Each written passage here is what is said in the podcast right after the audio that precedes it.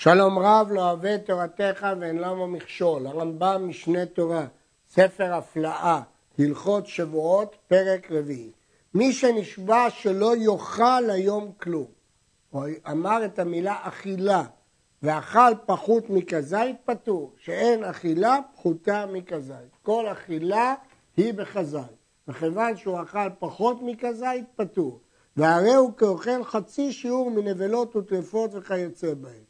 אסור, יש לנו כלל שחצי שיעור אסור מהתורה, חצי לאו דווקא חצי, אפילו משהו, אסור מהתורה, ככה אנחנו פוסקים, אבל לא חייב כלום.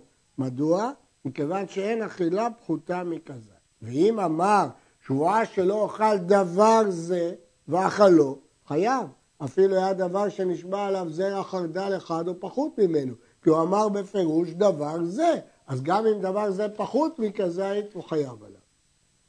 נשבע שלא יתרום כלום, ואכל כלשהו חייב, כי טעימה זה לא אכילה, אכילה זה בכזית, טעימה זה בכלשהו, לכן הוא חייב.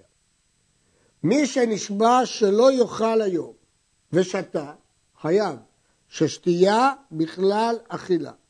כיוון ששתייה בכלל אכילה, הוא חייב. לפיכך, אם אכל ושתה, אינו חייב אלא מלכות אחת אם היה מזין, או חטאת אחת אם היה שוגג, כי שתייה היא בכלל אכילה, זה דבר אחד. אבל מה הדין ההפך? נשבע שלא ישתה היום, הרי זה מותר לאכול, שאין אכילה בכלל שתייה. שימו לב, שתייה כלולה באכילה, אז אם הוא נשבע לא לאכול זה כולל לא לשתות. אבל ההפך, אם הוא נשבע לא לשתות זה לא כולל לא לאכול. ולכן מותר לאכול. וכמה ישתה ויהיה חייב, יראה לי שאינו חייב עד שישתה רביעית כשאר האיסורים. כמו שאכילה זה בכזית, שתייה ברביעית. שבועה שלא אוכל היום ואכל מינים הרבה, או שבועה שלא אשתה היום ושתה מיני משכין הרבה, אינו חייב אלא אחת, כיוון שהוא אמר שלא אוכל. מה אכפת לי מאיזה מינים הוא אכל, או מאיזה משקים הוא שתה. ואפילו אמר שבועה שלא אוכל היום בשר ופת וקטנית ואכל הכל, אינו חייב אלא אחת, כי הוא לא הפריד ביניהם, וכולם מצטרפים לחזאי. אגב, דעת הרדווז, דווקא אם הוא יאכל את כל המינים, כי זאת הייתה השבועה, שהוא לא יאכל את כל המינים. משמע שאם הוא יאכל רק אחד מן המינים, הוא לא יהיה חייב. שבועה שלא אוכל ושלא אשתה, ואכל ושתה, חייב שתיים. שהשתייה בכלל אכילה, אז כשהוא אמר לא אוכל זה כלול לא אשתה. והואיל הוא פירש ואמר ולא אשתה, אז למה הוא הוסיף עוד פעם שלא אשתה? גילה דעתו שלא כלל השתייה בכלל האכילה. כלומר, הוא גילה דעתו שהוא רוצה שיהיו פה שתי שבועות, אחת על האכילה ואחת על השתייה. לכן הוא חייב שתיים, נמצא כנשבע על זה בפני עצמו ועל זה בפני עצמו. וכן האומר, שבועה שלא אכל פת חיטין ופת שעורים ופת כוסמי, הוא הבדיל בין כל מין ממין במילה פת, והחלל חייב על כל אחת ואחת. שלא אמר פת ופת ופת, אלא לחלק ולחייב על כל אחת ואחת. למה הוא אמר פת ופת ופת? כדי ליצור חילוקים. כיוון שהוא יצר את החילוקים הללו, הוא חייב על כל אחת ואחת, זה מפורש במשנה במסכת שבועות. היה חברו מסרב בו לאכול אצלו, לוחץ עליו שיאכל אצלו. ואמר לו, בואו שתה עמי יין וחלב ודבש. וכדי להיפטר מהלחץ שלו, אמר שבועה שאיני שותה יין וחלב ודבש. חייב על כל אחד ואחד בפני עצמו. למה? שהיה לו לומר שבועה שאיני שותה כלום, או שאיני שותה מה אמרת. וכשחזר הוא פירט שבועה שאיני שותה יין, וחלב ודבש, גילה דעתו שחייב שבועה על כל מין ומין בפני עצמו, כמו שאמרנו בהלכות הקודמות. כלומר, כשאדם גילה בפירוש שכל מין עולה לבד, זאת שבוע, אלו שבועות נפרדות. לפיכך, אין מצטרפים זה עם זה, כי אלו שבועות נפרדות, ואינו חייב עד שיאכל כשיעור ממין אחד, הואיל והן חלוקות לחטאות, כלומר יין לבד, חלב לבד, דבש לבד, הרי הם כחלב ודם, שאינם מצטרפים לחזית, כמו שנתבהר בהלכות מאכלות אסורות. למדנו שם, שאם אדם אוכל חלב וחלב, מצטרפים, דם ודם מצטרפים. פה אמנם הכל זה איסור שבועה, אבל זה שבועות שונות. יש שבועה על היין, יש שבועה על החלב, יש שבועה על הדבש, אלה דברים נפרדים. כיוון שאלה דברים נפרדים לחטאות, הם לא מצטרפים זה עם זה. שבועה שלא אוכל כיכר זו, או שלא אוכל אותה, כיוון שאכל ממנה כזית, חייב. הוא אמר שבועה שלא אוכל כיכר זו, אז אם הוא אכל כזית, הוא כבר חייב. שבועה שלא אוכלנה, אינו חייב עד שיאכל את כולה. אמר שבועה שלא אוכל כיכר זו, שבועה שלא אוכלנה ואכלה, אינו חייב אלא אחת, כי הכל כלול בשבועה שלא אוכל כיכר זו ושבועה שלא אוכלנה, הדבר כלול ביחד. אם כן, נשים לב. כאשר הוא אמר שבועה שלא אוכל, השיעור שלה הוא בכזית. אז למה הוא אמר כיכר זו? כי הוא לא רצה לאסור בכל הכיכרות, אלא רק בכיכר הזאת. אבל כשהוא אומר שבועה שלא אוכלנה, משמע שלא אוכל את כולה. הוא לא אסר על עצמו כדי אכילה, אלא הוא אסר אוכלנה את אכילת כל הכיכר. מקור ההלכה הזאת בגמרא. הגמרא אומרת, אמר רבה, שבועה שלא אוכל כיכר זו, כיוון שאכל ממנה כזית חייב, שלא אוכלנה אינו חייב עד שאוכל את כולה. והרמב"ם פסק את הגמרא. אלא שהרמב"ם מוסיף שאם הוא אומר שלא אוכל אותה, זה כמו שלא אוכל כיכר זו. והרב"ן מתפלא, והוא אומר מה ההבדל בין שלא אוכלנה לשלא אוכל אותה. ולכן הרב"ד אומר שכל החילוק הוא לא בין אוכלנה ואוכל אותה, החילוק הוא בין אוכל כיכר זו לבין שלא אוכלנה.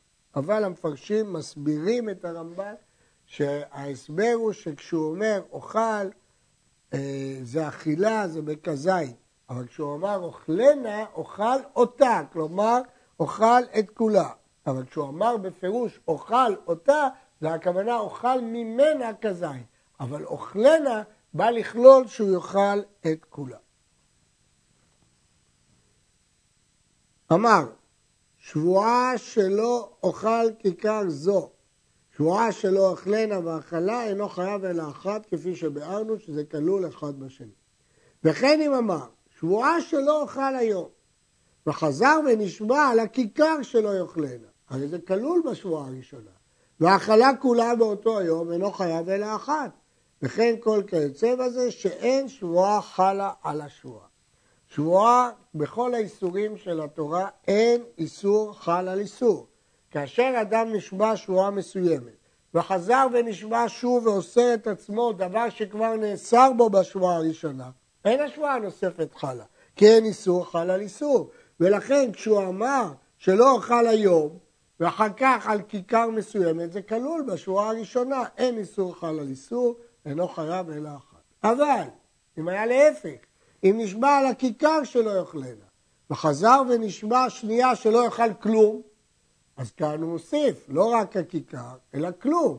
כיוון שהוא הוסיף, השורה השנייה חלה. או שלא יאכל כיכר זו, והאכלה כולה חייב שתיים. למה? מה הוא הוסיף? כי לפי מה שלמדנו בהלכה הקודמת, בשעה שנשבע תפילה שלא יאכלנה, אינו חייב עד שיאכל את כולה. וכשחזר ונשבע שלא יאכל, או שלא יאכל אותה, כשיאכל כזית תתחייב. אז השורה השנייה הוסיפה על הראשונה. כי בראשונה הוא לא מתחייב עד שיאכל את כולה, אבל בשנייה הוא מתחייב כבר כשיאכל כזית. לכן כשיאכל כולה יתחייב בשבועה הראשונה, אבל השבועה השנייה הוסיפה על השבועה הראשונה. שבועה שלא אכל תאנים, וחזר ונשבע על התאנים ועל הענבים, הוא הוסיף, חייב על התאנים שתיים, שהרי הקלה על שנאסרו בשבועה הראשונה עם הענבים שהיו מותרים, מתוך שחלה השבועה השנייה על הענבים, חלה על התאנים ונתחייבו בשתי שבועות כמו שבאנו בהלכות מאכלות אסורות. הפירוש הוא, אם יש לאיסור השני מקום לתפוס, בגלל שהוא איסור מוסיף, כיוון שהוא איסור מוסיף הוא תפס. אם הוא תפס, אז עכשיו הוא חייב על התאנים שתיים, בגלל השבועה הראשונה ובגלל השבועה השנייה. שבועה שלא אוכל שמונה, שבועה שלא אוכל תשעה, שבועה שלא אוכל עשרה, בין שאכל שמונה, בין שאכל תשעה, בין שאכל עשרה, אינו חייב אלא אחת. מדוע? כשהוא אמר שבועה שלא אכל שמונה, עכשיו, מה הוא מוסיף כשהוא אמר שבועה שלא אוכל תשעה? הרי כבר כשהוא אוכל שמונה הוא עובר על האיסור. ממילא הכל כלול בשבועה הראשונה, כי השבועה הראשונה יותר מרחיבה מהשבועות הבאות. אפילו שהוא אוכל שמונה כבר הוא יעבור על האיסור. ממילא השבועות האחרות לא מוסיפות כלום, ולכן הוא חייב רק אחת. אבל אם הוא אמר ההפך, שבועה שלא אוכל עשרה, אחר כך הוא הוסיף, שבועה שלא אוכל אפילו תשעה, שבועה שלא אוכל שמונה, כאן כל שבועה הוסיפה על הראשונה. אם אכל עשרה, חייב שלוש, כי עשרה היא גם עשרה וגם תשעה וגם שמונה. על כל שבועה הוא שבועה אחת. וכן אם אכל תשעה, חייב שתיים, כי הוא אכל גם שמונה וגם תשעה. אכל שמונה, חייב אחת. כל זה כי השבועה הבאה הוסיפה על השבועה הראשונה. שבועה שלא אכל תאנים, וחזר ונשבע שלא יאכל תאנים וענבים כאחד, ביחד. ושגג ואכל תאנים והפריש קורבן. על השבועה הראשונה, הוא נשבע שהוא לא יאכל תאנים. וחקק שגג ואכל ענבים, אינו חייב על הענבים. זה לא נחשב שהוא אכל תאנים וענבים כאחד, כי הוא כבר הפריש קורבן על התאנים, אז הוא חייב על השבועה הראשונה. עכשיו כשהוא אכל הענבים הוא לא חייב, כי הוא לא אכל ענבים ותאנים יחד, מפני שכחצי שיעור, ואדם לא חייב על כחצי שיעור. אבל אם לא היה מפריש קורבן, נמצא שהוא אכל את התאנים והענבים יחד, ואז הוא החייב גם על השבועה השנייה. וכן, הנשבע שלא יאכל עשר, וחזר ונשבע שלא יאכל עשר ותשע ביחד, ואכל עשר והפריש קורבן על השבועה הראשונה, וחזר ושגג ואכל תשע, הרי זה כחצי שיעור, כי עכשיו הוא לא אכל תשע ועשר ביחד, כי הקורבן הפסיק. ואין מביאים קורבן על חצי שיעור, שיד שמונה האחרונה שלו אכל תשע עשרה, והוא לא אכל ביחד תשע ועוד עשר. ט"ז שבועה שלא אוכל כיכר זו הגדולה, אם אכלתי כיכר זו הקטנה. זאת שבועה על תנאי. אם הוא יאכל את הקטנה, הוא לא יאכל את הגדולה. ושכח תנאי זה בעת שאכל הקטנה. ואחר כך אכל הגדולה במזיד, חייב. למרות שכשהוא אכל את הקטנה, הוא שכח שהוא התנה שאם כך הוא לא יאכל את הגדולה. אבל את הגדולה הוא אכל במזיד, חייב.